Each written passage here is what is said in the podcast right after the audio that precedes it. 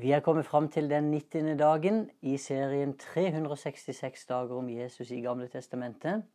I dag så leser vi fra 4. Mosebok kapittel 6 og vers 27. De skal sette mitt navn på israelittene, og jeg vil velsigne dem. Tittelen som vi har i dag, er 'Stemplet med navnet som gir velsignelse'. Velsignelse i Bibelen, det er når Gud vender seg til oss og gir oss sin fulle oppmerksomhet. Han vender sitt ansikt mot oss og lar sin herlighet stråle sterkere enn solen over livene våre. Velsignelse, det handler om fellesskap og nærvær. Noe av Herrens ansikt blir åpenbart gjennom velsignelsen. Ingen av oss kan se Gud som den han er. Det må vi vente litt med.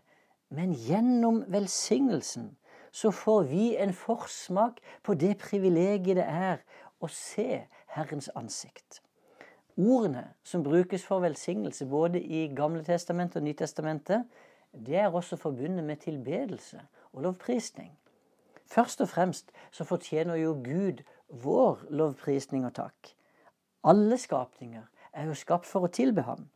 Men når Herren velsigner oss, så er det vi som blir løfta opp av ham og får hans oppmerksomhet. Velsignelsen det viser at Gud elsker menneskene han har skapt, og at han vil utøse av sine goder over våre liv. Både vår ånd og vår sjel og vår kropp får nyte godt av Herrens velsignelse hver dag. Og for at ingen skal være i tvil om hvem velsignelsen kommer fra, så ble Herrens navn uttalt tre ganger når velsignelsen ble gitt, sånn som Aron og Moses mottok dette. Bare hør hvordan det står. Herren velsigne deg og bevare deg. Herren la sitt ansikt lyse over deg og være deg nådig. Herren løfte sitt ansikt mot deg og gi deg fred. Det kommer tydelig fram i Bibelen at Gud utøser sin velsignelse over alle mennesker som bor på jorda. Jesus sa at vår Far i himmelen, han lar sin sol gå opp over onde og gode, og lar det regne over rettferdige og urettferdige. Når mennesker har mulighet til å, å nyte skaperverkets goder, så er jo det bare på grunn av Guds velsignelse og godhet. Gleden over en flott skitur, en fantastisk dag på sjøen, eller over barna som blir født og leker med sin smittende latter, det er Guds velsignelse. Når en kreftsyk mann opplever at en cellegiftkur eller strålebehandling er vellykka, så er også det Guds velsignelse. For du ser, Guds velsignelse gis til alle som lever på jorda, både troende og ikke-troende. Men den velsignelsen gjelder bare for dette livet. Vi må jo få tak i den virkelige velsignelsen som er for alle de som tror på Jesus. Det er velsignelse som gir tilgivelse for syndene og retten til å kalles Guds barn. Dette er det viktigste. Og etter at Jesus kom, så er faktisk all velsignelse, og jeg sier all velsignelse, er knytta til ham. All velsignelse er i Kristus og bare i ham. Utenfor Kristus finnes ingenting av denne velsignelsen. Jesus er ordet. Velsignelsen gis til alle som holder fast ved ordet, og som ordet har tatt bolig. Når Israels folk fulgte forskriften og budene som Gud hadde gitt dem, ja, så hadde de løfter om å bli rikt velsigna. Sånn står det.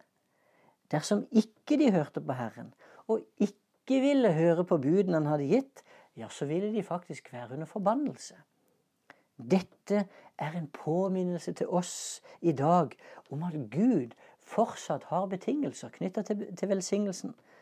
Han kan bare velsigne dem som vil lyde Hans ord og ta imot Ham som bringer velsignelsen.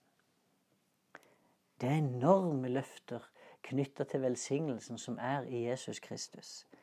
Jesus har fått navnet over alle navn, og dette navnet det er jo satt som et stempel på alle oss som tilhører ham. Passet mitt det inneholder et stempel som viser at jeg er norsk statsborger. og Det gir meg rettigheter som bare nordmenn har. Når Herren Jesu navn er satt som stempel på oss, har vi også fått visse rettigheter. La oss se på noe av de viktigste. Jeg skal nevne tre her.